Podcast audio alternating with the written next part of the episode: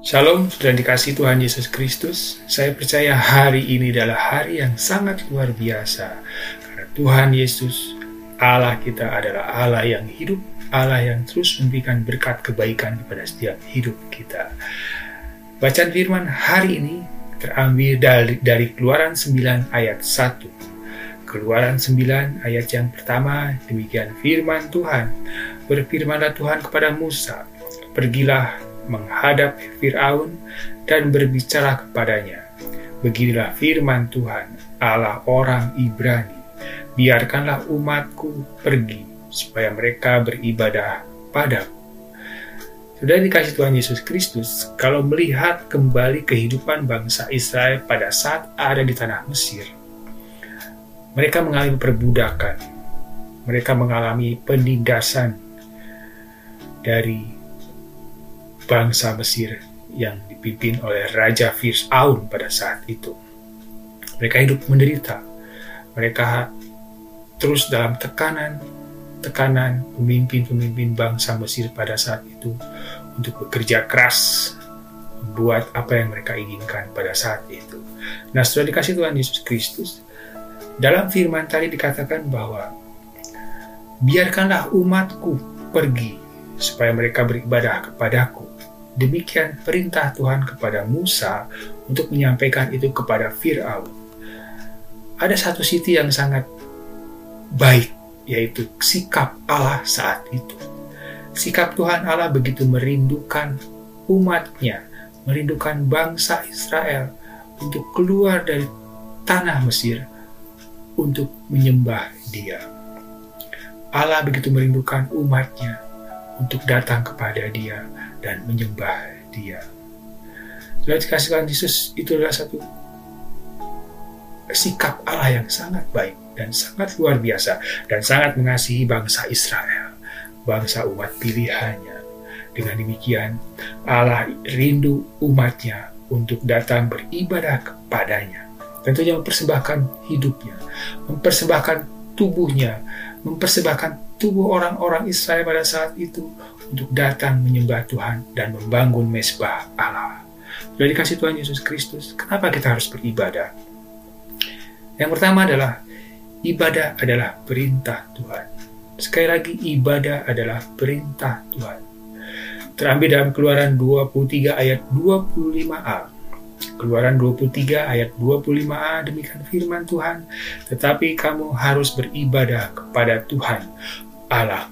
Dengan tegas Tuhan Allah menyuruh bangsa Israel untuk beribadah kepadanya.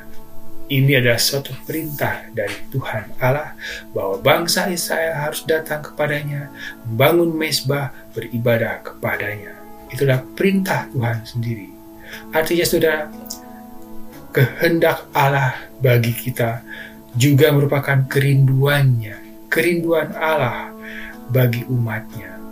Oleh karena itu, ibadah adalah perintah Tuhan. Ibadah bukan satu perintah gereja. Ibadah bukan satu perintah organisasi, tetapi Allah sendiri yang menyuruh menyampaikan bahwa beribadah adalah perintahnya dan siokianya kita fokus kepadanya, fokus kepada Allah pada saat beribadah. Dan yang kedua, sudah dikasih Tuhan Yesus, kenapa kita harus beribadah? Kita berada beribadah karena ada janji Tuhan. Sekali lagi, kita beribadah karena ada janji-janji Tuhan yang disampaikan melalui firman-Nya. Terambil dalam Keluaran 23 ayat 25. Keluaran 23 ayat 25 demikian firman Tuhan tetapi kamu harus beribadah kepada Tuhan Allahmu, maka ia akan memberkati roti dan makananmu dan air minummu.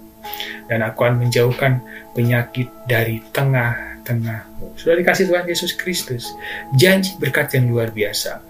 Janji yang akan kita dapatkan, janji yang akan kita raih dari ketika kita beribadah adalah janji di mana kita akan diberkati oleh Tuhan Allah.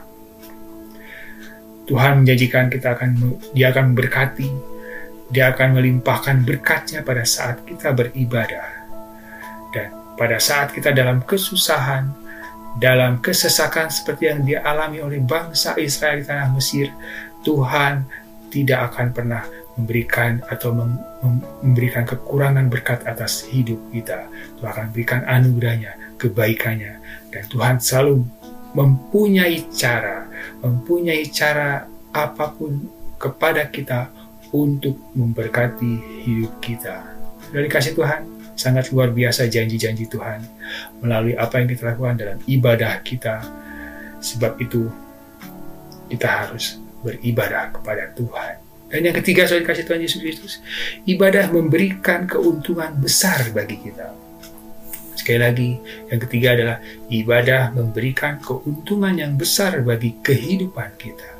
Dalam 1 Timotius 6 ayat 6, demikian firman Tuhan, 1 Timotius 6 ayat 6, memang ibadah itu kalau disertai rasa cukup memberikan keuntungan besar.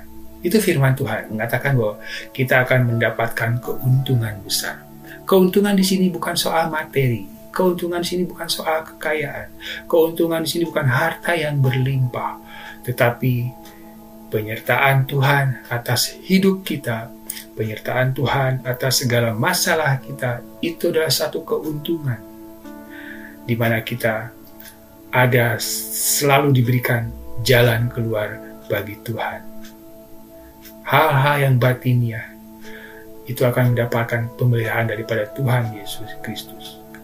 Hal-hal tentang iman, kita akan terus menjadi naik dan menjadi naik level semakin tinggi bersama Tuhan. Itulah keuntungan yang dimaksudkan dalam ayat ini. Terus kita bertumbuh dan semakin intim bersama Tuhan. Semakin erat bersama Tuhan Yesus. Semakin diberkati ada sukacita, ada damai sejahtera, ada kedamaian dalam setiap kehidupan kita, bahkan keluarga kita, ketika kita bersama-sama datang beribadah kepada Tuhan Allah.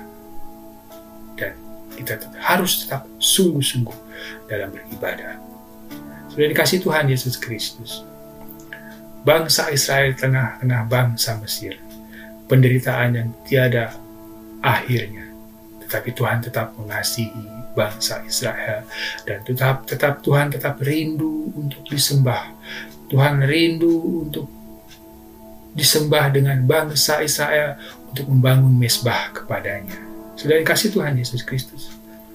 Hari-hari ini mungkin kita dalam kesesakan, mungkin kita dalam masalah yang bertubi-tubi, pandemi yang tidak tahu kapan selesai masalah keluarga, masalah ekonomi, mungkin masalah hubungan, sakit, penyakit. Tapi saya percaya ada satu sosok atau satu pribadi yang menanti-nantikan saudara dan saya, yaitu Tuhan Yesus Kristus, untuk datang, untuk disembah. Dia rindu untuk disembah. Dia rindu umatnya datang kepadanya untuk membangun mesbah, mendoa, bersyukur di kaki Tuhan Yesus Kristus menaikkan ucapan syukur. Seperti bangsa Israel di tengah-tengah bangsa Mesir, Allah sebegitu merindukannya. Demikian juga Tuhan Yesus begitu merindukan umatnya untuk datang beribadah kepadanya. Dan saya percaya ketika kita datang kepada Tuhan, kita membangun mesbah kepada Tuhan Yesus Kristus, ketika kita beribadah, menaikkan ucapan syukur kita dan pertolongan Tuhan, jalan keluar dari Tuhan, tidak akan pernah tertutup dan selalu ada. Tuhan Yesus memberkati.